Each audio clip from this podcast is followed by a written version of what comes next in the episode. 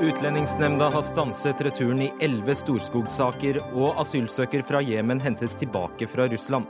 Vi spør UNE-direktøren hvor mange flere UDI kan ha sendt ut feilaktig. Arbeiderpartiet med ny klimapolitikk. Ja, du hørte riktig. Arbeiderpartiet med ny klimapolitikk. Hva er poenget med at et statlig togselskap allierer seg med et statlig flyselskap for å konkurrere ut et annet statlig togselskap? Utover å være stjerne har ikke Magne Furuholm noen formell ledererfaring som gjør ham kvalifisert til jobben som styreleder for Festspillene i Bergen, mener kulturredaktør. Jo da, han er både et riktig og spennende valg, mener museumsdirektør.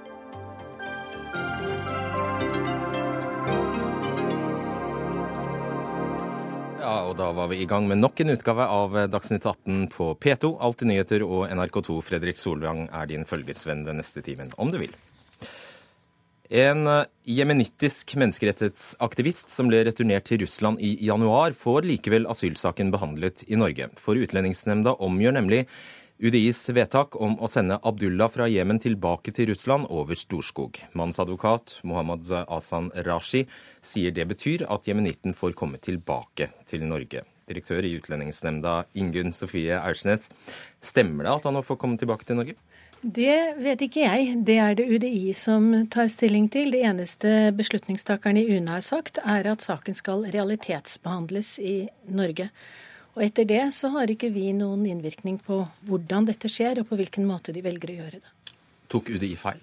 Ja, UDI tok feil. Det ligger jo i, ligger i sakens natur at når en klageinstans sier at dette, denne klagen tar til følge, da har de gjort feil. Hva har de gjort feil? Etter vår beslutningstakers syn så har de ikke vurdert alle momentene i denne saken riktig i felles, en felles vurdering. For her dreier det seg om hva slags oppholdstillatelse han hadde i Russland. Og det dreier seg om hvilket land han eventuelt da ville bli sendt videre til. Og hans helt personlige forhold i det landet han kommer fra, Jemen. Kan du utdype det? Jeg har forstått det slik at hans eh, oppholdstillatelse i Russland utløp omtrent samtidig med at han ble uttransportert fra Norge, stemmer det? Det er riktig. Og så har jeg forstått det slik at siden han er fra Jemen, så er frykten at han sendes tilbake til et land i kaos og krig. Det er riktig. Og han har også påberopt seg å være menneskerettighetsforkjemper. Så disse tre faktorene, det at han hadde usikkert opphold i Russland, og at man da ikke kunne være sikker på at han ikke ble sendt til Jemen, som er et land i krig, og han har påberopt seg å være menneskerettighetsforkjemper. Totaliteten av dette, dette totale bildet, gjorde at vår beslutningstaker fant at her må man behandle saken i Norge og realitetsbehandle den her. Så nå får han vel bli, da? Det vet vi ingenting om. fordi at i dette vedtaket fra UNE så ligger det ingen vurdering av selve asylspørsmålet. Det er kun spørsmålet om hvilket land som skal behandle asylsaken, som har vært oppe til vurdering hos oss. Og bare for å klargjøre det. UDI mente at den saken skulle behandles i Russland. Dere mener den skal behandles i Norge. Det er helt riktig. Men kjernen er vel at mens UDI da hadde instruks om å returnere ham til et Russland som da er erklært for et trygt land for de aller fleste, så sier dere at når det gjelder ham, så er ikke Russland et trygt land. Men vi har den samme eh, instruksen. Både UDI og UNE har samme instruks, men vi har nå anvendt instruksen ulikt. For i denne instruksen så står det det at man skal vurdere oppholdsbetingelsene i Russland. Man skal vurdere hvilket land vedkommende kommer fra. Man skal se etter om det er konkrete holdepunkter for at Russland vil sende videre til et land hvor vedkommende vil bli utsatt for forfølgelse eller umenneskelig behandling. Så dere har bare tolket instruksen forskjellig? Vi har anvendt instruksen ulikt. Mm. Så skriver Dagbladet i dag at dere i Utlendingsnemnda har gitt fire enkeltpersoner og fire familier utsettelse på utsendelse, altså at returen av elleve Storskog-saker er stanset.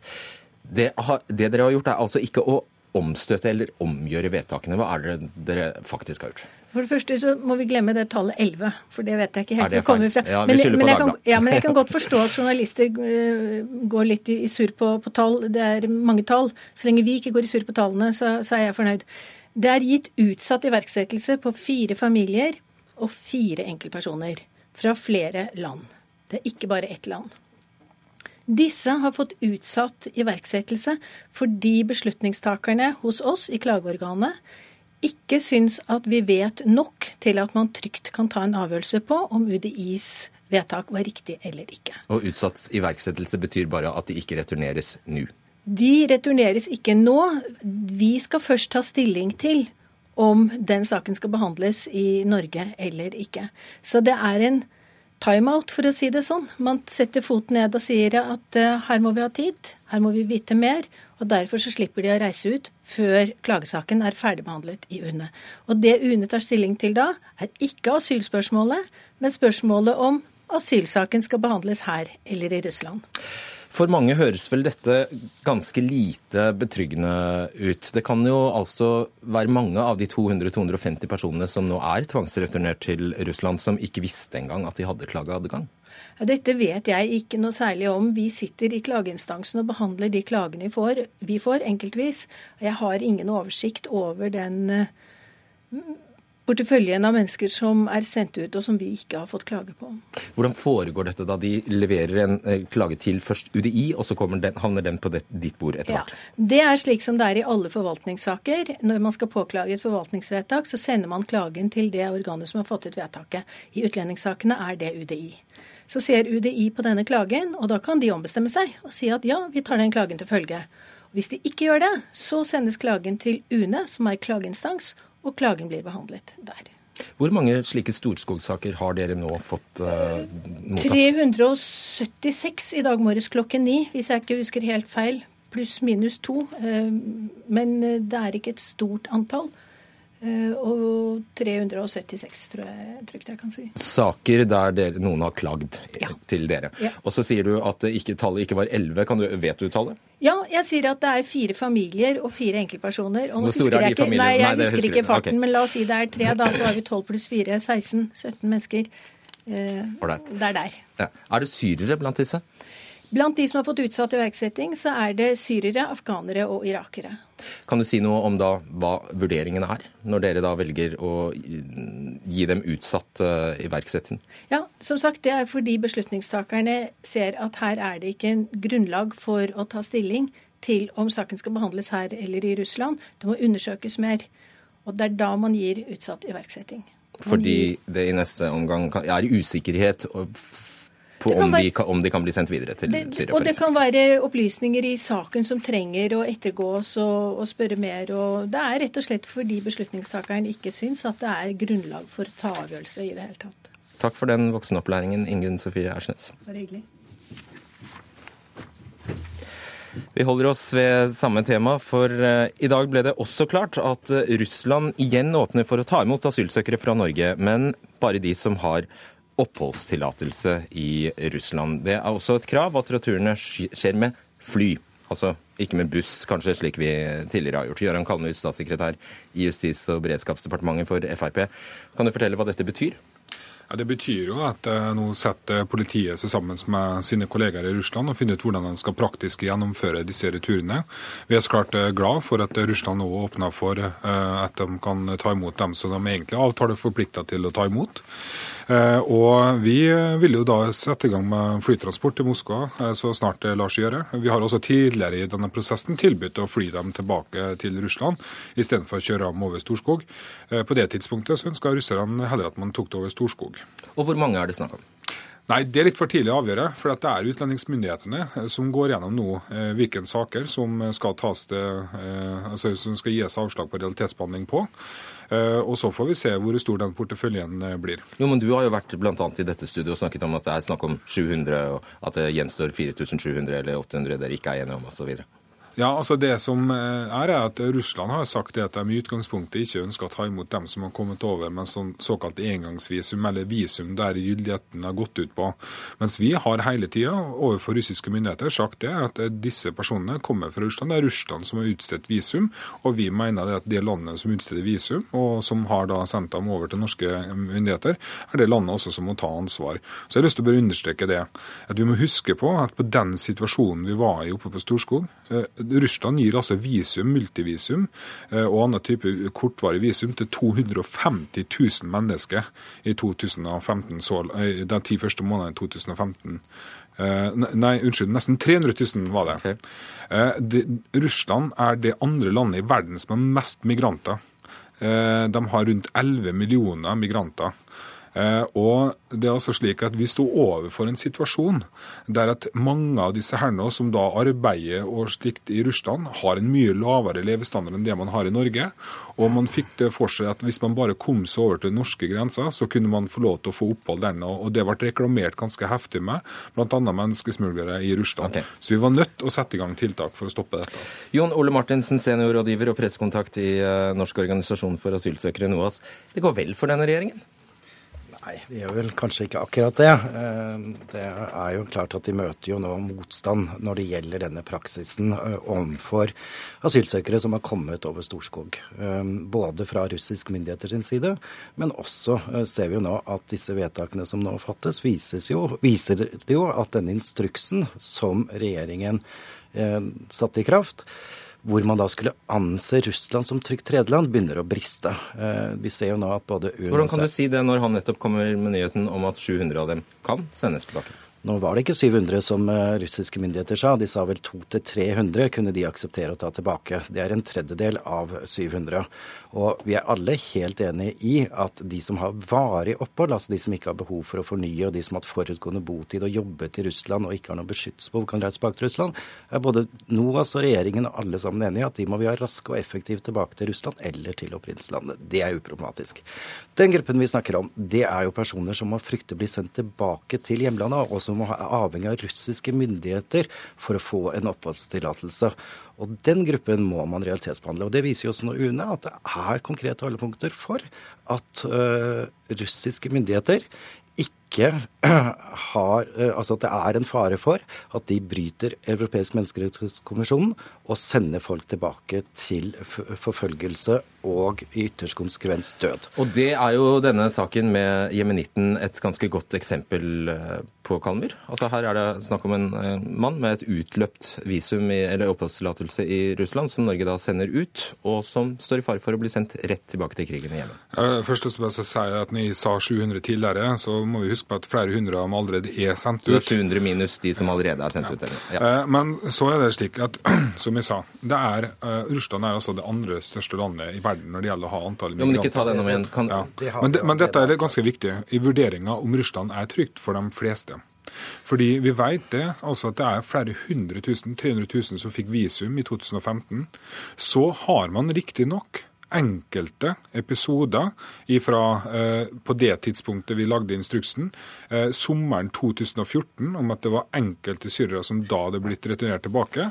Så, ja, men Dette er viktig. Dette er, det er helt avgjørende. Så har det nå kommet informasjon at det kunne også være personer i januar 2015.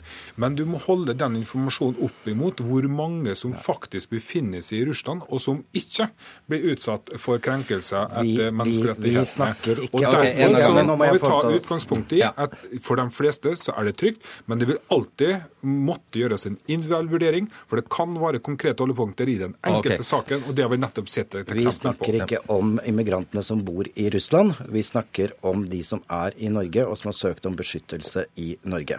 Man har effektivt fått stoppet denne ruten over til Norge, og det er ikke de vi snakker om. Men hvor da, bodde man før de kom til Norge? Bodde du i Russland? Nei, de gjorde ikke det. For det er jo det som er problemstillingen her, er jo at de har kjøpt seg altså multivisum, altså det har vært utro tjenere i Russland, og de har kun noen få dager opphold i Russland. De har ikke noen nettverk eller noe forutgående botid i Russland i det hele tatt. Eh, og Det er jo det som er problemstillingen. Og så må jeg også få til å arrestere deg litt når det gjelder eh, hva som er det faktiske forholdet i Russland. Jeg har sittet og lest vedtak, russiske vedtak om f.eks. Syria, hvor de anerkjenner så seint som høsten 2015 at bl.a. Damaskus og en rekke andre områder i Syria som trygge områder, de får avslag på asylsøknaden sin, og de skal altså utvises og sendes tilbake til Syria. Dette er land som Norge eh, mener at der er man i risiko for å bli utsatt for forfølgelse og ytterst konsekvens død. Okay, da, må vi, da må vi realitetsbehandle. Altså, vi må nesten forholde oss, vi vi må forholde oss til den informasjonen som vi får gjennom eh, offisielle kanaler, bl.a. UNHCR. Og den informasjonen Martinsen kommer med her, den kjente også myndighetene her, her til, ikke sant? Informasjonen kommer fra UNHCR, og UNHCR har sagt at Russland ikke er et trygt land. Men det UNHCR i hvert fall fortalte oss, det var at det var januar 2015, mm. Eh, og det er ikke nå i høst. Eh, så, men, men vi, her, her må vi rett og slett eh, bare få muligheten til å undersøke fakta.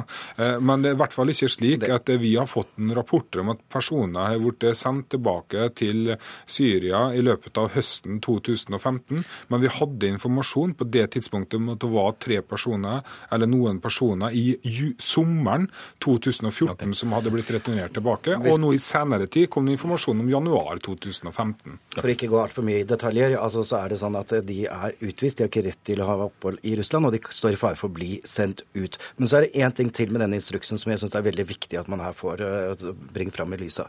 Instruksen sier det at man ikke skal få oppnevnt advokat. Og det som skjer når man får vedtak, er at man får vedtak på vei ut. Altså f.eks. de som kom til Storskog nå, de fikk vedtaket når de satt i bussen, og ergo ingen reell mulighet til å ta kontakt med advokat, og man fikk heller ingen reell klagemulighet.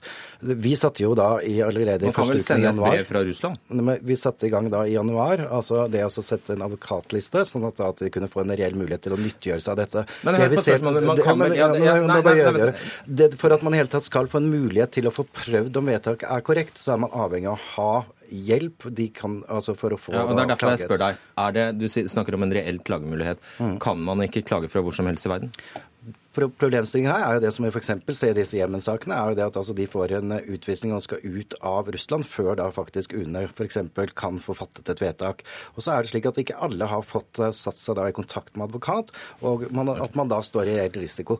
Derfor så er det nødvendig nå, nå som også da dette forholdet til Russland er som det er, at man sier stopp, vi realitetsbehandler, og sånn at også de som ikke har et beskyttelsesbehov, istedenfor å sitte på mottak, ta opp mottaksplass, blir sendt tilbake til hjemlandet og kan få begynt på sine liv. og de som har reell beskyttelsesbehov, kan få okay. behandlet asylsøknaden. Det er en illusorisk klageadgang, Kvalmo? Nei, jeg er ikke enig til det. Eh, her har man full klageadgang, og det er altså slik at det hviler på forvaltningen en plikt til å opplyse saken så godt som overhodet mulig. Så selv om man ikke har rett på advokat, så er det en plikt for forvaltninga sjøl på et selvstendig initiativ å faktisk eh, undersøke saken på en god nok måte. Og så er det jo slik da, at her kom det altså 5000 saker over fra Russland, hvorav mange hadde hatt opphold i lengre tid i Russland. Eh, og det ville vært meningsløs, eh, meningsløs ressursbruk hvis hver enkeltsak av disse skulle utløse fem timer gratis rettshjelp. Da ville absolutt alle ha benytta seg av det tilbudet om å få gratis rettshjelp. Og det ville blitt klagebehandling i hver eneste sak. Eh, og eh, disse sakene vi nå snakker om, det er et få utvalgte saker der det har vært en problemstilling. Og utlendingsmyndighetene tar disse sakene på alvor. Vi har nettopp hørt underdirektøren fortelle at de gir utsatt iverksettelse for å undersøke saken godt. Det sa hun nå. Problemstillinga er jo det at i instruksen også sies at det ikke skal gis utsatt iverksettelse. Altså Dvs. Si at man kan effektuere vedtaket selv om det er påklaget. Eh, bare man nå det er jo helt vanlig i veldig mange saker. Ja, men, nå, alle Dublin-saker, Men bare sånn for å få dette her helt klart. Altså, det står bokstavt her at man ikke skal oppnevnes eh, advokat. Men man har jo full rett til advokat. Ja. Så det du gjør, er jo at du obstruerer rettssikkerheten ved at ikke de får nyttiggjort seg av denne muligheten til å få den rettshjelpen de de facto har krav på. Og det er jo også grunnen til at det vi står overfor han er jo et grunnleggende rettssikkerhetsproblem, som også juristene nå har engasjert seg i. Og nå har dere en mulighet til faktisk å gjøre dette på en korrekt måte og sikre oss at nettopp at ingen blir sendt tilbake til forfølgelse. Det må jo være viktig. I forvaltningen av Norge så fattes det hundretusenvis av vedtak. Det er veldig få av de vedtakene som gir rett til advokat. Utlendingsfeltet er nesten det eneste området hvor vi gir veldig mye fri rettshjelp okay. uten behovsprøving. Og, og Derfor vi... er det ganske spesielt og god rettssikkerhet. har man rett til for nettopp at ikke vi skal gjøre oss bryte internasjonale forpliktelser. Takk skal dere ha. Takk skal dere ha.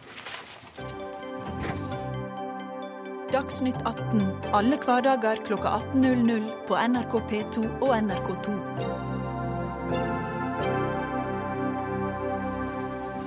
Biler og busser uten klimagassutslipp, mer miljøvennlig oljeproduksjon og ny teknologi i industrien. Det er noen av punktene i forslaget til ny klimapolitikk som Arbeiderpartiet skal fremme for Stortinget i morgen.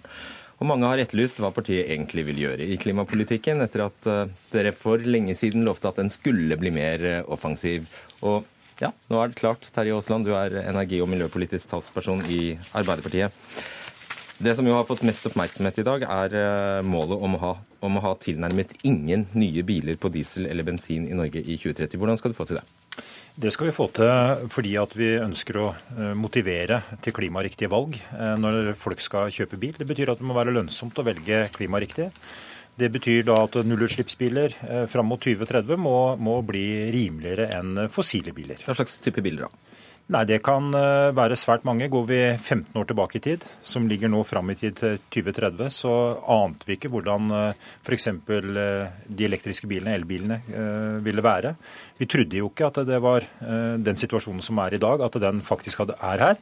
Så teknologien går veldig fort. Og så tror jeg bilprodusentene er opptatt av å komme i en posisjon hvor de kan levere biler inn i et marked til oss forbrukere Eh, ut ifra også det som nå er eh, det store bildet etter Paris. Mm. Så jeg tror på at teknologien eh, kommer til å gå raskt framover, og at vi i Norge legger til rette for marked på lav- og nullutslippsteknologi. Det har vi gjort, og det holder vi på å gjøre. og Da må vi forsterke det i tida framover. Og Da avslører du jo egentlig deg selv, fordi da er jo dette målet om å ha nesten ingen nye biler på diesel og bensin i Norge i 2030 nesten ikke, nesten ikke vært nok. Du sier jo egentlig at du tror teknologien vil gjøre den jobben selv. Jeg tror at teknologien kommer til å jobbe sammen med oss eh, i å finne gode løsninger. Og lage produkter også som vi som forbrukere ønsker. Men så må vi som politikere sørge for at det blir eh, enkelt, attraktivt og eh, fordelaktig å velge klimariktig. Og det har vi starta med, og det må vi fortsette med, og må vi forsterke den omlegginga. Og det er viktig, fordi at Transportsektoren står jo for veldig store utslipp av det vi skal ta ansvar for å redusere i Norge. Heikki Holmås, klimapolitisk statsperson for eh, SV her. Eh, SV. Mye bra her, sier dere. Angrer dere nå på at dere gikk, eh, går solo og ikke samarbeider med dette klimavennlige Arbeiderpartiet? Nei, altså jeg samarbeider med et klimavennlig Arbeiderparti, men det som, og det som er bra med dette forslaget de har fremmet, er at de viser at det er mulig, og de viser en retning uh, der du ser tydelig at det går an å omstille Norge til et nullutslippssamfunn. Det som er problemet med pakken deres, det er at de sier veldig mye om at de ønsker å gjøre ting, uh, men de sier lite om hvordan konkret de skal gjøre det. Og de sier ingenting om når de skal gjøre det. Bilavgiftene er et hederlig unntak, og der har de kommet SV veldig langt i møte. Dette var et forslag som de, som de eh, fra, fra, oss som de stemte ned i, i, fjor vår, der vi ville at ni av ti av bilene som selges skal være nullutslipp i, i 2020. Nå sier Arbeiderpartiet at 100% skal være det i 2025, og det er bra. Eh, men eh, i alle andre områder så går det altså, er det lite konkret og Men, veldig mye utrede. Stolpen her, bare for å klargjøre det, stolpen er 2030. Det er da Norge skal være klimanøytralt, sant? Det er riktig. I, i, hør nå, I 2030 så skal vi da skal vi ha skikkelige kutt i transportsektoren på omtrent en 40% Det er helt nødvendig hvis vi skal nå de målsettingene som Stortinget har sagt. I den eh, klimaplanen som legges frem fra Arbeiderpartiet her, er det dessverre altfor lite konkret om hvordan og når, og det er ingenting om det som er elefanten i rommet, nemlig oljesektoren. Det er ingenting som sier hvordan vi skal redusere utslippene eller redusere utvinningen av olje, som er helt nødvendig om vi skal ta klimaavtalen på Paris. Ja, Det er såpass stort poeng at du får svare kort på det. Vi er veldig tydelige på hvor vi vil, eh, og når vi skal gjøre det. Dette er snakk om tiltak som må skje fortløpende eh, fra nå og fram til 2030. Det er vi helt tydelige på i forslaget. Ja, åpenbart, siden planen varer sånn til 2030. Nå prøver jo også Heikki Holmås å bortforklare litt. fordi Sånn som innenfor maritim sektor, hvor vi sier at vi, eh, alle ferjer som kan være det, bør være utslippsfrie innen 2030.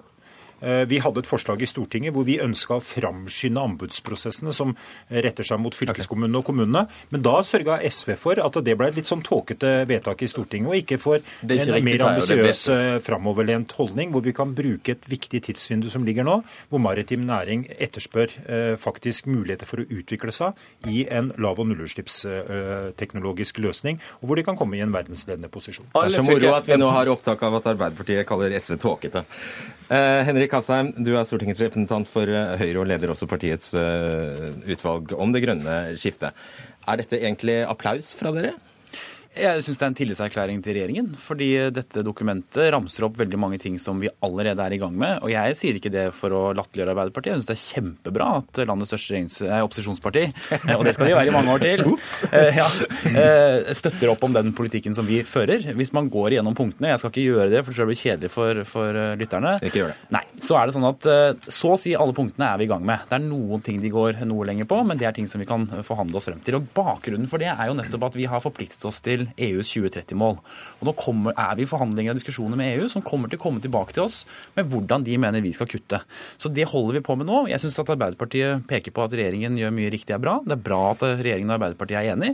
Det betyr at vi har et bredt flertall for regjeringens ambisiøse klimapolitikk. Så da stemmer du for dette forslaget når det kommer i Stortinget? Ja, det er jo helt meningsløst å stemme for det vi allerede gjør. Sånn at Det er jo kjempefint at de foreslår det. Men, men, når vi er i gang med det, så er det altså Dette her er jo slik som Stortinget fungerer også. ikke sant? Jeg skjønner at Arbeiderpartiet da vil foreslå det. sånn som De foreslår å øke Enova-fondet til 100 milliarder. Så du stemmer mot noe du er for i morgen? Altså, jeg gjør det allerede, så jeg trenger ikke stemme for det en gang til. Ok, svar kort. på. jeg håper virkelig at Høyre vil stemme for det, og at regjeringspartiene faktisk blir med på det. Fordi det er veldig viktig at Stortinget også anviser en tydelig vei på hvordan vi skal starte nå. En veldig tydelig offensiv mot å kutte utslipp fram til 2030. Og det som har vært utfordringen med regjeringa, det er at faktisk ikke de har valgt å være konkrete på hvilke eh, formål de, eller hvilke områder de vil kutte på, og hvordan de vil gjøre det. Dette er et forslag som er veldig tydelig i anvisningen. og Samtidig så er det et viktig poeng. Det er at vi understøtter industrien i å ta mer eh, klimariktige valg, og ikke minst satse på teknologi i en situasjon hvor, hvor det er viktig for å underbygge konkurransekraften til okay. norsk industri. Når man leser dette dokumentet, Holmås, så angis det ingen steder nøyaktig hvor mange tonn CO2 som skal kuttes når. Hvorfor ikke, tror du? Nei, altså Jeg syns jo at det er problemet med forslaget. Det at man f.eks. sier vi skal elektrifisere de gjenstående jernbanestrekningene som, ikke, som i dag går på diesel. Men det står ingenting om hvordan du skal gjøre det, og det står ingenting om når du skal gjøre det. Og som en sånn villighetserklæring så er jo dette et veldig fint eh, dokument. Men hva tror du er årsaken til at de bevisst utela- utelater den eh, informasjonen? Altså nøyaktig hvor mye dette skal utgjøre? Nei, Problemet med det, altså grunnen til at de gjør det, er jo fordi de ikke er altså Dette er jo det store problemet med Arbeiderpartiet. det er at De er jo ikke konkrete i klimapolitikken. De sier vi vil gjerne gjøre dette, men så sier de ikke hvordan og ikke når. Det Og det er det jeg mener, og la meg si Det sånn, det er min utfordring til, eh, til Terje i- Terje Aasland i denne sammenhengen. Når dette kommer til komiteen, så kommer vi til å foreslå konkretisering av de tingene eh, eh, som dere her har fremmet. fordi at som villighetserklæringer så er det fint, det er en anvisning av retningen. Men hvis du ikke sier hvordan og når du skal kutte utslippene, så får du heller ingen utslippskutt. Ja, Du vet jo ikke engang, det står jo ikke i dette dokumentet engang om dere kommer i mål med alle de gode tiltakene. Jo, vi kommer i mål med de Nei, men det, gode står, tiltakene. ja, Jo, nei, det kan man ønske seg, men det står ikke et regnskap som eh, sannsynliggjør det. Nei, fordi at eh, selv eh, Miljødirektoratet klarer ikke å beregne eksakt hva det vil bety. Eh, De forslagene som ligger. Så det å lage en sånn, skal vi si, en øvelse nå om, om hvor mange tonn og sånt, nå, det blir helt galt. Det er helt opplagt at det å elektrifisere de togstrekningene som i dag eh, drives fram av diesel, vil lønne seg i klimamessig sammenheng, og det vil lønne seg i transportmessig sammenheng. Så det kommer vi til å eh, gå for. Det er det vi har foreslått, og vi kommer til å konkretisere de tinga når vi legger fram våre årlige budsjetter, eh, sånn som vi gjør på alle ordinære saker. Og det å si at dette ikke er konkret, det er det mest konkrete forslaget eh, og Arbeiderpartiet omfattende har kommet med. forslaget. Nei, som Stortinget langt på vei har behandla. Fordi det er konkret på, de, på veldig mange områder. Ja, Asheim, Du sitter jo her med minst troverdighet av alle. Du representerer altså et parti med en miljøminister som erkjenner at regjeringen i- til og med vil øke utslippene i Norge i, sittende storting, i, i denne stortingsperioden. Nei, altså jeg tror at det er ganske, Når, når Vidar Helgesen uh, sa det, så er det nettopp poenget at det er umulig å vite akkurat når utslippene går ned. De, veldig mange av de punktene som Arbeiderpartiet foreslår nå, er vi allerede i gang med. Igjen, det er bra. Men det er sånn at sant, det blir sånn lettvint å si at når skal, det, når skal utslippene gå så og så mye ned? Når faktum er at vi nå er i en svær forhandling med EU om å sammen kutte utslippene i Europa med 40% Vi har forpliktet oss i Parisavtalen, og vi skal gjennomføre de kuttene. Veldig mange av disse punktene, ladestasjoner, elferger, hydrogenbiler osv., er ting vi allerede er i gang med, og det kommer til å gi resultater. Men dette kan ikke bli en sånn basar hvor det er om å gjøre å rope et årstall først. Hvis det er noe vi ikke trenger nå, så er det nye sånne mål uten forpliktelser. Nå må vi faktisk gjøre de tiltakene som reduserer utslippene mest. Det er på transport, det er på bygg, det er på de viktige grepene for å få ned norske utslipp. Det siste du sier, er jeg enig i der. Det er ingen vits i å komme med mål uten forpliktelser om når du har tenkt å gjennomføre det. Og Derfor er det helt nødvendig å få til. Fordi Det som er problemet med dere, eh, og der jeg mener at Arbeiderpartiet har et poeng, det er jo at dere har nå sittet to og et halvt år i regjering. Dere sier at det er sannsynlig at utslippene godt kan komme til å gå opp i løpet av de siste årene dere sitter i regjering. Og de har gått opp i 2015. Og mitt poeng er veldig enkelt.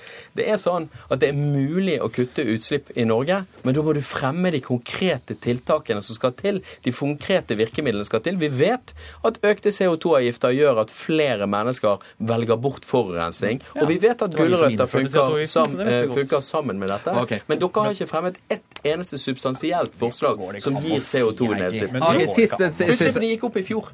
Asheim. Utslippene gikk opp i fjor. Vi har fremma noen og 30 enkelte tiltak i, eller kommer til å fremme det i morgen. De er fornuftige å vedta i forhold til klimagassutslippene våre og reduksjoner i forhold til de. De vil understøtte våre muligheter som forbrukere til å velge klimariktig.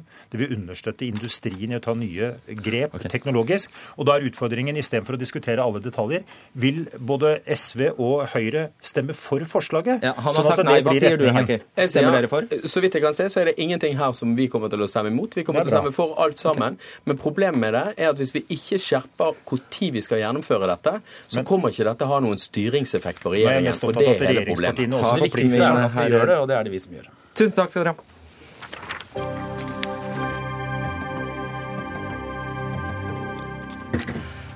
Ja, Nå om skatten vår. For eh, økonomene er sterkt kritiske, eller dvs. Si økonomer er sterkt kritiske til eh, forslaget til nytt skattesystem som nå ligger til behandling i Stortinget.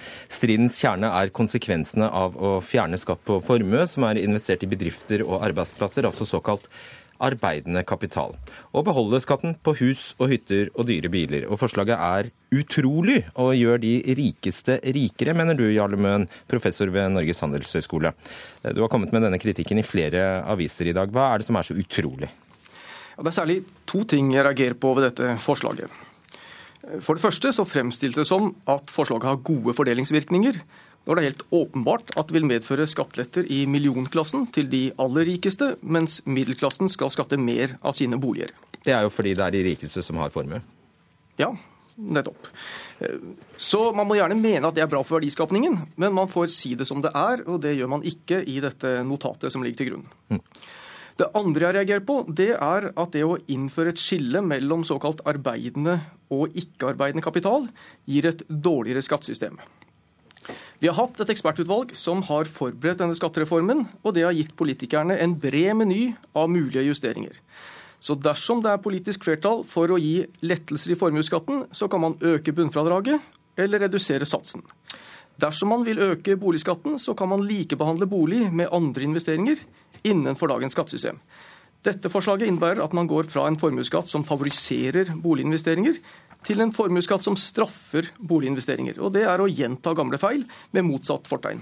Og Da må jeg bare spørre deg, eh, Hviler hele kritikken din på premisset at eh, dette skal bli provenynøytralt, eller i nærheten av provenynøytralt? Altså at staten skal få inn like mye, mye skatteinntekter som tidligere?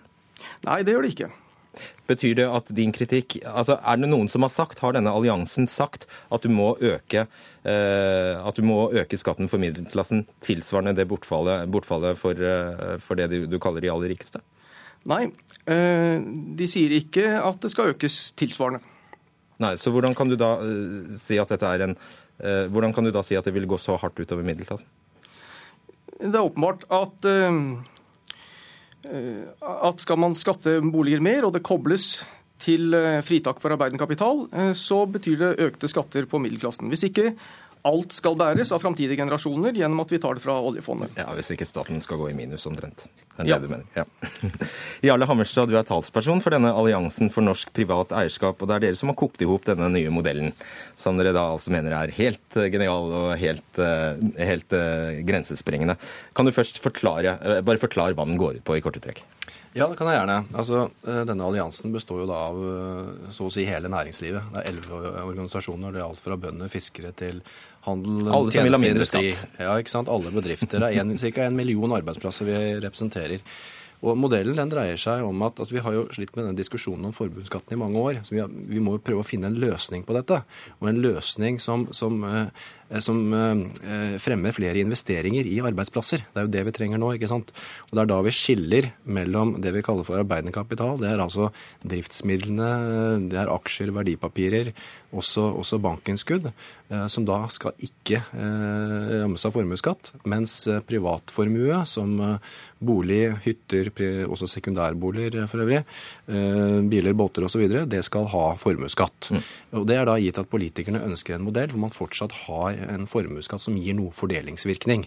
Og så har vi da ikke konkludert på hvordan vi skal innrette eh, bunnfradrag osv., hvor mye som skal omfordeles med formuesskatten. Men beholder man denne formuesskatten, på bolig, bil osv., så, videre, så vil jo det da ramme, ramme de rike. Og innretter man bunnfradraget deretter, så kan man skjerme middelklassen f.eks. Det er en løsning. Vi har, ikke, vi har ikke påstått at, skal, eh, at, dette skal på en måte gå opp i opp, eh, som du var inne på her. Vi vil jo ha en skattelette, men da en skattelette som omfatter den formuen som investeres i bedrifter. Og Hva er da logikken i at et bankinnskudd som bare der penga bare ligger helt passivt i, i banken, eh, skulle, skulle, sortere som, som Eller ikke sortere som arbeidende kapital, mens en hytte eller en bil skulle det? Hvor er logikken? Ja, dette er en, faglig, dette er, dette er en kjerne av en faglig faglig diskusjon som har pågått lenge, med dette med bankinnskudd.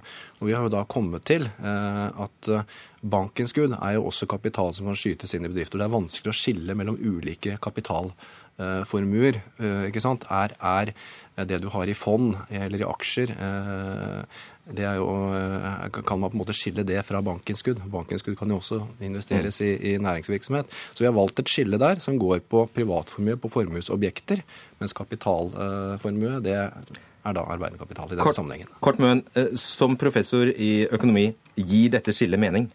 Nei, det gjør ikke det. For det første så Skattelettene vil gå til de aller rikeste. Det må bare ligge som et premiss her. Eh, men dette med arbeidende kapital er egentlig den røde kluten, hadde jeg nær sagt. Altså Hvis vi tar utleieboliger eller sekundærboliger, som ble nevnt her som et eksempel. Med dette forslaget så vil en utleiebolig som eies privat, ja, den arbeider ikke, så den skal ikke beskattes, angivelig. Men hvis man tar den samme utleieboligen, legger den inn i et aksjeselskap, ja, da har den plutselig begynt å arbeide, og så skal den ikke beskattes. Og hvis man selger denne private utleieboligen og setter pengene i banken, ja, da skal man også slippe å skatte, av pengene. Og det er helt meningsløst. All kapital arbeider, så vi bør ha et skattesystem som behandler all kapital likt, sånn at det ikke er skatten som styrer investeringene. Så vil man gi lettelse i formuesskatten, så bør man gjøre det innenfor en nøytral ramme hvor man øker bunnfradraget eller reduserer satsen. Men jeg forstår det slik at hele logikken her er at den kapitalen som kan skape arbeidsplasser, den skal ikke beskattes. Og du skaper ikke så veldig mye arbeidsplasser ved å sitte på en gammel båt eller en ti år gammel, gammel hytte. Nei, så hvis vi vil bruke skatteletter på å stimulere næringslivet, så er det ikke formuesskatten som er den skatten som, blir, som, bør prioriteres. og Det var det Scheel-utvalget sa, og som ble bekrefta av en rapport fra Menon i etterkant. Og Grunnen til det er at uh, altså hele argumentet som dette hviler på, er litt uklart for meg. Men det synes å være at bedriftene trenger pengene selv. Altså at det er gode prosjekter som ikke vil bli finansiert dersom eieren må betale formuesskatt. Men da er det bedre å sette ned andre skatter. fordi de som betaler formuesskatt, er jo nettopp de som har mest egenkapital, og dermed best mulighet til å finansiere prosjektene sine. Som f.eks. selskapsskatten. Mathilde Fasting, prosjektleder i tanke, Tenketanken Civita. Eh, du har skrevet en rapport om norsk eierskap basert på intervju med 50 personer involvert i bedrifter med ulik størrelse. Hva er hovedkonklusjonen din når det gjelder behovet for endringer i skattesystemet? Hva sier de? Ja, altså Utgangspunktet mitt var jo at eh, denne store debatten som vi snakker om, som har vært en langvarig debatt, det var rett og slett for meg å se eh, hvordan skal man stimulere til omstilling og til vekst, og hvem er disse eierne og eh, bedriftseierne, investorene, gründerne, alle de som tenker på å starte en bedrift, har arvet en bedrift osv., alle de jeg har snakket med. Mm. Eh, det er faktisk de menneskene som tar disse beslutningene, og som investerer penger for å få dette til. Så utgangspunktet mitt var altså den virkelige verden, og der forteller de at eh, vel, vel, det er veldig mange små og mellomstore bedrifter i Norge. Det er nesten 98% av dem som har under 50 ansatte. Og alle disse menneskene som eier og driver og jobber i disse bedriftene til daglig, og som har lyst til å starte bedrifter for øvrig, de sitter og sier at vi har eh, problemer med å skaffe kapital, særlig til de små og til de nye bedriftene, men også hvis vi ønsker å utvide og trygge de arbeidsplassene vi allerede har sysselsatt. Så det var utgangspunktet mitt. Og de forteller også veldig mye om hva de bidrar med. De bidrar spesielt, og som jeg er veldig imponert av, det er risikovilligheten deres, og hvor stor risiko det er faktisk å eie og drive og starte en bedrift. Det er eh, mye mer enn veldig mange mennesker er villige til å ta på seg. Det andre er at eh, det er norske eiere som er de nærmeste til å utvikle arbeidsplasser og til å ta denne risikoen og til å ha den informasjonen som gjør at vi skaper de bedriftene som vi nå ønsker å skape. Og for det tredje så er de også langsiktige og har veldig stor motivasjon. De har en ekstra motivasjon fordi de er nordmenn. Og det er vel slike, slike undersøkelser Hammerstad, dere bruker for å underbygge at bedriftene har bruk for det, all den kapitalen de kan få, rett og slett? Ja, altså det er verdifulle funn eh, Fasting har, har funnet her. Eh, og Mye mer verdifullt enn det, det Møen har klart å koke i opp, som er, er, teoretiske skrivebordøvelser. Altså Vi snakker jo med medlemmene våre og, og, og får liksom forklart hvordan, dette, hvordan, de henter kapital. Og det er ikke sånn som Møen forutsetter at bedrifter i Norge, altså lokale bedrifter, kan hente den kapitalen fra utlandet eller fra staten eller fra SkatteFUNN eller osv. SkatteFUNN treffer bare få bedrifter. De må hente de pengene lokalt. Gründeren må ha pengene selv eller må satse på lokale lokale investorer som, som kan uh, satse på bedriften. Og så er det ett poeng også som, som jeg syns at Møen må ta, med seg i videre forskning. Det er, det er når gründeren satser uh, penger, så er det ikke sikkert avkastningen av, av de pengene kommer før om fem til ti år. Som regel så gjør det ikke det. Selskapsskatten den, den slo igjen på overskuddet i bedriften. Mens formuesskatten den betaler du uansett om bedriften har begynt å tjene penger eller ikke. Og Det er et problem på veldig mange gründerbedrifter. Og det er, det er, en årsak til at vi ikke får realisert så mange gründerbedrifter som vi trenger i årene fremover. Og Det er jo den, kanskje den aller mest klassiske innvendingen mot denne skatten. Bjørn. Det er helt feil å si at dette er teoretiske skrivebordsøvelser. Jeg har også eh, undersøkt den virkelige verden. Vi gjorde en undersøkelse hvor vi så på gasellebedriftene, eh, altså de som eh, regnes som de flotteste vekstbedriftene eh, av Dagens Næringsliv. 60% av disse eierne betalte ikke formuesskatt i det hele tatt. 90% betalte mindre enn 25 000 kroner i formuesskatt. Skal vi bruke milliarder i skatteleste til bedriftene, så er det Hvordan greier de det? Fordi at eh, mange av disse bedriftene har ikke det er fordi de er vellykkede at, de, at, at, du kommer til den situasjonen du er i, okay. beskriver her. Men uansett, dette, Nei, her, det er, dette her er jo de den, den, verste forutsetningen, eller den forutsetningen som ikke stemmer, det er at kapitalmarkedene er perfekte. For det er de altså ikke. Og jeg har snakket med et investorfond i dag. Der var det 228 norske investorer, og det var ikke en utlending å se. Og vedkommende slet hardt for at folk skulle investere 1-2-3 millioner kroner i risikofylte prosjekter. Så markedene er ikke perfekte. Ok, men det er to mot en her du får avslutte avslutte. Ja, øh, fordi Resonnementet hviler ikke på at markedene er perfekte. Men da er det veldig dumt å gi de store skattelettene til de som sitter på den største egenkapitalen. Selv om det er de som kan utvikle arbeidsplassene? Nei, det er alle de andre som ikke er plaga med formuesskatten i noen vesentlig grad. Det er der omstillingen skjer, og de har store rabatter på formuesskatten fordi at unoterte selskaper i liten grad eh, betaler formuesskatt. Okay. Jeg avslutter med å si at formuesskatten i dag er på 0,85% av ligningsformue over 1,4 millioner kroner. Takk skal dere ha, Jarle Møen, Jarle Hammerstad og Mathilde Fasting.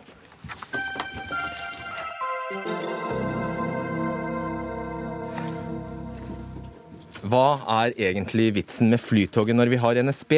En billett til Gardermoen med NSBs lokaltog koster 92 kroner. Og bruker bare tre minutter lengre på turen til Oslo S enn Flytog, som stopper på Lillestrøm. En billett med Flytoget koster 180 kroner. Eh, I desember 2014 hadde NSB like mange avganger i timen som Flytoget på alle stasjoner, bortsett fra OSL og Oslo S. Og De to statlige selskapene Flytoget og NSB må samarbeide, ikke ødelegge for hverandre. Det mener du, Janne Skjelmo Nordås, transportpolitisk talskvinne for Senterpartiet. Hvorfor det? Jo, fordi at eh, jeg tror den konkurransen som har vært nå over litt tid, der vi har latt NSB få lov å utfordre Flytoget, har vært sunt fordi at det skjerper eh, både begge selskapene. De, tilbyr produkter som folk vil ha, så det er bare fornuftig. Men det er ikke lurt over tid. Fordi at uh, Flytoget har sitt markedsområde, begrensa av det som, som, ligger der. Mens NSB skal drifte jernbanestrekninga jernbanestrekninger i hele landet. Uh, Så nå har de skjerpa seg nok, mener du? Jeg syns at man må se på en tydeligere ansvarsfordeling mellom Jernbaneverket sitt ansvar og NSB sitt. Fordi at, Nei, det er ikke det. Nå, nå tenkte jeg på altså, konkurransen mellom NSB og Flytoget. Ja den har holdt på lenge nok. Det er det du egentlig mener? Jeg tror vi skal begrense det, i hvert fall. Jeg tror ikke vi skal holde på veldig lenge til med det. For jeg tror at NSB bruker mye materiell på denne strekninga mellom Drammen og, mm. og Gardermoen, som gjerne kunne vært brukt f.eks. på Østfoldbanen eller andre strekninger. Og det er jo et poeng, Atle Simonsen, formann i Fremskrittspartiets uh, Ungdom. Uh, eh, NSB har jo erkjent at de bruker masse ressurser på denne korte strekningen fordi de konkurrerer med Flytoget, mens det bl.a. går utover Østfoldbanen. Altså, dette viser jo hvor eh, fantastisk eh, bra konkurranse er. Eh, og det sørger jo for at man på sikt sikkert ikke kan ta de skyhøye prisene som Flytoget i dag har.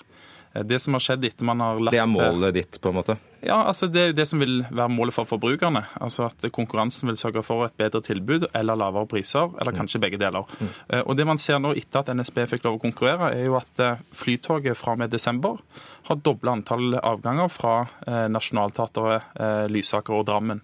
Og Det må jo være det beste for forbrukerne, at det der er eh, et godt og et best mulig tilbud. Eh, og jeg, jeg tok i fjor og oppfordra disse to selskapene til å begynne å konkurrere. Fordi jeg fant ut at eh, det minuttet lenger det tok med, med vanlig NSB, eh, hvis man skulle regne om det til timepris, så ville det vært, eh, vært 4800 kroner. Og, og, så mye er ikke tid verdt at man skal kunne ta dobbel pris for, for en sånn type reise. Er det ikke, er det ikke, litt, ja. er det ikke litt rart da, Simonsen, at prisen på Flytoget bare har økt og økt? Jo, og det er jo det som... Med mer og mer konkurranse? Det stemmer jo ikke ifølge teorien. Nei, men det er jo det, de har jo fått lov å holde på nesten uten konkurranse i mange, mange år. Og Det er jo derfor det er så dyrt. Og jeg tror jo at eh, Når de får konkurranse fra et eh, tilbud som eh, koster halvparten av prisen, så vil jo flere velge det. For det er ikke et dårligere tilbud, det går like raskt. Så da vil gjerne Flytoget bli tvungen til å sette ned prisene. Og det vil jo gagne forbrukerne først og fremst. Det er vel, altså hvis, marked, hvis man formoder at markedsmekanismene også fungerer her, så vil det uvegerlig skje at også prisene går ned, servicen bedres, avgangen, avgangene blir hyppigere osv. Jo, og så kan det jo andre sida være at eh, Flytoget eh, får mindre overskudd, og så har man en utfordring i forhold til statens inntekt på det siden NSB bruker veldig mye av sine, sine kapital på å investere i, i, veldig mye nye togsett som går på den samme strekninga, i stedet for å tenke at vi skal ha en god jernbane i hele landet. Og landet er veldig forskjellig. Det er ikke samme løsningene som må til fra, fra nord til sør eller fra øst til vest. Eh, det er mye enkeltsporet jernbane som ikke gir mulighet for konkurranse på samme vis som vi har her. Og jeg tror at det er feil at NSB skal bruke så mye ressurser på denne denne banestrekninga når det er behov for f.eks. bedre togsett og bedre togtilbud på Østfoldbanen og andre banestrekninger. Er ikke det veldig rart, Simonsen, at vi har altså to, et, et statlig togselskap i NSB som altså får penger fra staten, så har vi et annet selskap i Flytoget som gir penger til staten?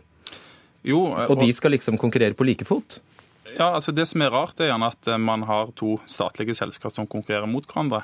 Eh, ja, det er det vi diskuterer nå. Ja, og, og, og, og da er jo ikke løsningen at man, man, hindrer konkurranse og stopper med konkurranse, for det fungerer jo. Løsningen er heller at man tar og selger et av disse selskapene. Og Det var jo en diskusjon i, i fjor om, om, man skulle selge Flytoget til, til Kina. Uh, og Det virka jo som at enkelte i Senterpartiet og Ap trodde at det, man da var nødt til å kjøre via Beijing for å komme seg til, til Gardermoen, men det er jo ikke det som er tilfellet. Eh, og, og hvis, en er, hvis den er bekymra for at det er to eh, selskap med nesten samme eier som konkurrerer, så bør en jo heller sørge for at eh, det ene slipper fra offentlige sine hender. Ikke sant, Norås? Da blir det jo reell konkurranse. Hvis Flytoget blir privat, så er det en statlig mot en privat aktør. Da får du reell konkurranse. Jeg syns det er en feil, feil, modell. Jeg tror vi trenger begge aktørene. Men jeg ønsker at NSB òg skal investere i jernbanestrekninger og sørge for at det er godt togtilbud på flere baner enn det som her er snakk om. Fordi Flytoget er arvesølv, eller hvorfor det? Flytoget er et godt produkt. Det har et, en høy stjerne i folks bevissthet. Man er fornøyd med det tilbudet som, eh, som brukes, eh, eller som de leverer. Eh, og Det kan vi bygge på videre. så Jeg syns ikke det er noen god løsning å selge noen av de, men jeg ønsker som sagt at vi skal fordele ansvaret litt annerledes mellom selskapene enn det vi har gjort det siste tida. Selv om de har hatt godt av å utfordre av hverandre. Ok, Simonsen. Ja, men Det er jo ikke riktig at folk er fornøyd med tilbudet, hvis det er så mange som i dag velger å bytte til konkurrenten det er jo et eh, tegn på at de ikke er så fornøyd, eller f.eks. ikke er så fornøyd med den, med den, høye prisen. Og Det er jo det man blir, blir nødt til å gjøre noe med. Det var vel 97% som sa at eh, Flytoget var et jo, godt eh, men, konsept? Ja, men det er det jo åpenbart. Men folk stemmer jo med beina og lommeboka si, og de velger et annet tilbud. Men poenget her uansett er at det er jo passasjervekst både for Flytoget og for NSB, fordi det er en passasjervekst på Gardermoen. Men dette er jo eneste dette viser, er jo at konkurranse fungerer for forbrukeren. Det kan godt være at det ikke er det beste for staten, mm. men for forbrukerne så er dette Eh, en eneste lang solskinnshistorie. Siden du er politiker, så må du, også, eh, må du også bry deg om eh, staten, Simonsen. Og jeg bare lurer på når, når Flytoget da ser seg nødt til å inngå et samarbeid med SAS og Eurobonus, altså et statlig selskap, flyselskap som holder på å gå konkurs iblant. Hva sier det deg? Det sier jo at de eh, har et eh, ønske om å beholde sine kunder og gjøre alt de kan for å sørge for at folk faktisk velger deres produkt og Flytoget. Og Det er jo den type konkurranse som, som, forbrukerne tjener veldig mye penger på. Men hei, hvis man er bekymra for at, eh, at, staten konkurrerer mot staten, noe som jeg òg syns er litt rart, så bør man heller velge å selge et av disse selskapene. Og det er jo sånn at Hvis dette er en så lukrativ linje, så kan det godt være at NSB kan tjene penger på dette, som de kan bruke på togstrekninger resten av landet. Men man har har jo faktisk dobla eh, jernbaneinvesteringene de siste to åra. Så det er ikke akkurat mangel på, på, prosjekter og penger som men, får men det blir bygd ut nå. Det er fortsatt stort behov for fortsatt investering. Både i dobbeltspor, i krysningsspor, i bedre signalsystem. Vi har en Oslo-tunnel som trenger oppgradering. Så det er masse ting å investere i som har vært bedre gjort på jernbane enn å satse på konkurransesetting. ok, vi avslutter her. Takk skal dere ha, Atle Simonsen og Janne Skjelmo Nordås. Hør Dagsnytt 18 når du vil. Radio NRK Radio.nrk.no.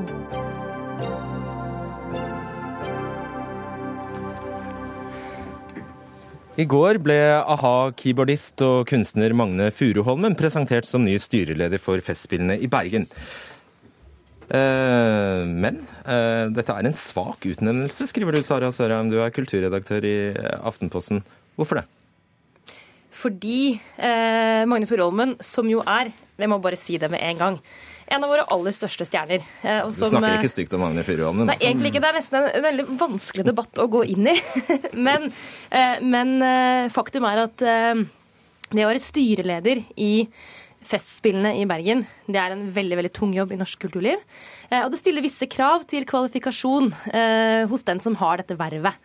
Blant annet, altså, jobben er å være ansvarlig for økonomisk drift av Festspillene.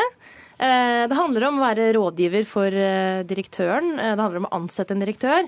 Det handler også ikke minst om å avsette en direktør når det er på sin plass.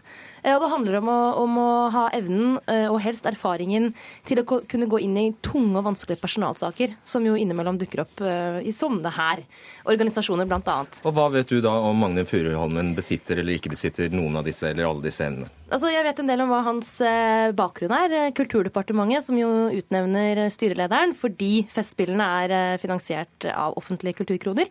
De, eh, de, har jo da sendt ut en eh, pressemelding hvor de refererer hans formelle bakgrunn. Det er klart, jeg dessverre må jeg si, kjenner jo ikke Magne Furuholmen personlig, så jeg vet jo ikke om han har noen helt, helt spesielle personlige egenskaper. Men det som er hans CV og bakgrunn, vitner om veldig eh, brei erfaring som popartist. Null erfaring eh, i eh, lederroller. Og det er det som er faktisk det relevante i denne sammenhengen. Ok, Dagsnytt 18 kjenner Magne Furuholmen. Vi har snakket med han i dag. Og han ønsket ikke å delta her i dag, men har følgende kommentar til debatten. Nå må jeg få be om tid til å sette meg ned sammen med styret for å se hvordan vi sammen kan forløse de ambisjonene organisasjonen formulerer fremover. Jeg er ydmyk overfor, det, overfor at det er områder her jeg mangler kompetanse på. Og jeg vil der støtte meg til kollegiet rundt for å bygge videre på det arbeidet som forrige styre og styreleder har nedlagt. Det er kanskje også verdt å minne om at det kunstneriske ansvar ligger hos direktør Anders Beyer. Så har vi notert det.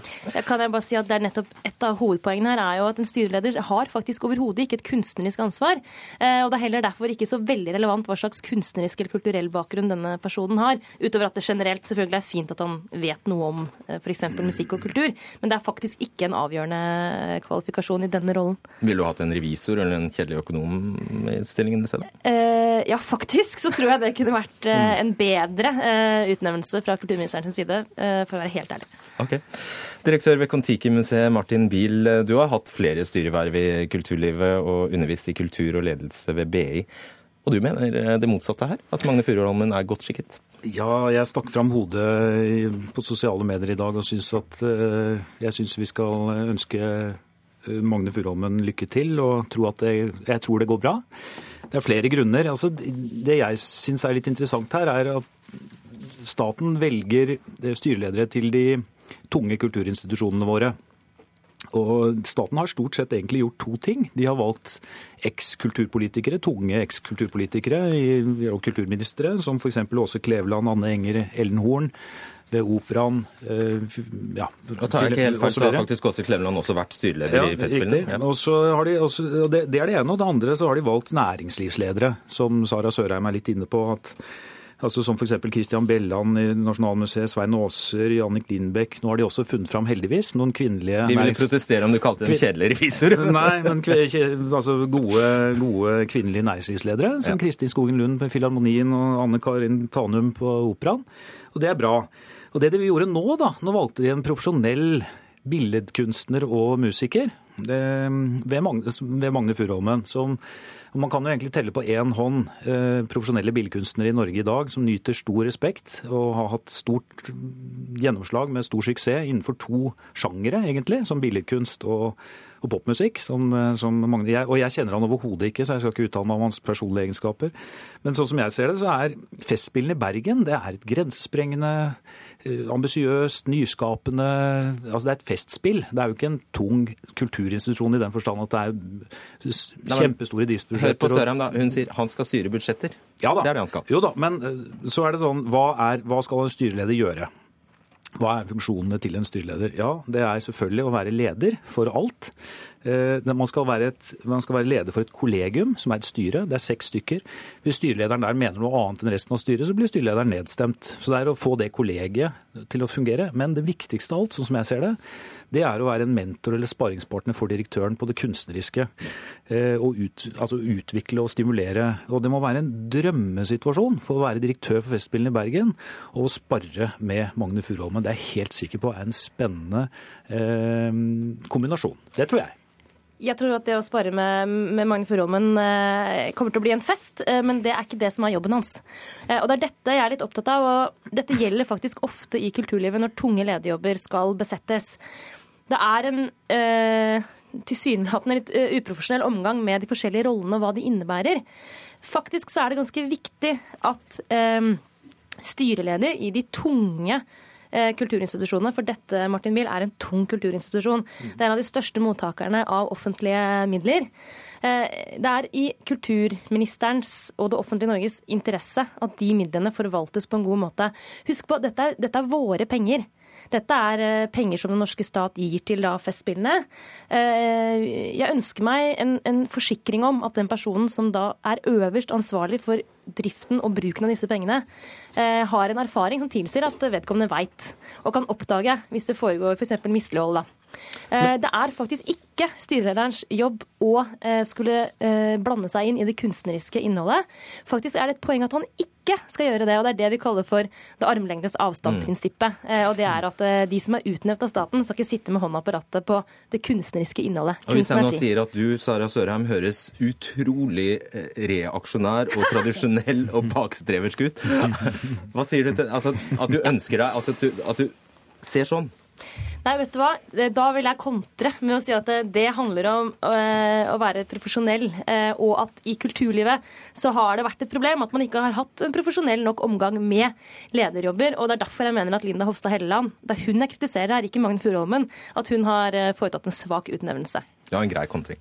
Uh, Bill, ja. når de viktigste avgjørelsene skal tas i vanskelige personalsaker uh, f.eks., da er det vel en fordel å ha hatt erfaring som personalsjef eller uh, med det ansvaret? Ja, nei, Det, det er én ting som Magne Furuholmen sannsynligvis mangler. Uh, det er ledererfaring, rett og slett. Han, men jeg tror at han Sånn som jeg leser han, da, så, så virker han veldig ydmyk. Eh, han virker som en veldig kvalitetsbevisst eh, kunstner på, mange, på flere områder. Og så tror jeg at han er en veldig god eh, Jeg tror han er lydhør. Jeg leser han som en veldig sånn empatisk person. Det er sånn jeg leser han, uten at jeg kjenner han i det hele tatt. Og når, når Sara Sørheim sier profesjonalisering av styrearbeid, altså profesjonalisering av styrearbeid, det er jo det vi har hatt. Det er det vi har. Vi har mange profesjonelle næringslivsledere på de store kulturinstitusjonene våre. Dette er jo noe nytt. Dette er, dette er en spennende ny utvikling, sånn som jeg ser det. Og jeg synes ikke hvis vi sier at profesjonell Hva er profesjonell? Hva, hva, altså Festspillene i Bergen, ja, det er, altså, det er, kunst vi snakker om. Ja, men Det er akkurat det som er problemet. Det er akkurat da man må passe på rollene her. Ja, hvem skal ansvare for det kunstneriske mm. og, lage festen? Og hvem skal sørge for at regninga blir betalt? Og det trenger absolutt ikke å være kunstner, og kanskje ikke i det hele tatt. Og da skal jeg bare legge til at kulturminister Linda Hofstad Helleland ikke hadde anledning til å komme og svare på denne kritikken selv i dag. Tusen takk skal dere ha, Sara Sørheim og Martin Bill. Dere fikk avslutte denne Dagsnytt 18-sendingen, faktisk. Som Eh, Dag Dørum var vaktsjef for. Teknisk ansvarlig var Stein Nybakk, og i studio Fredrik Solvang.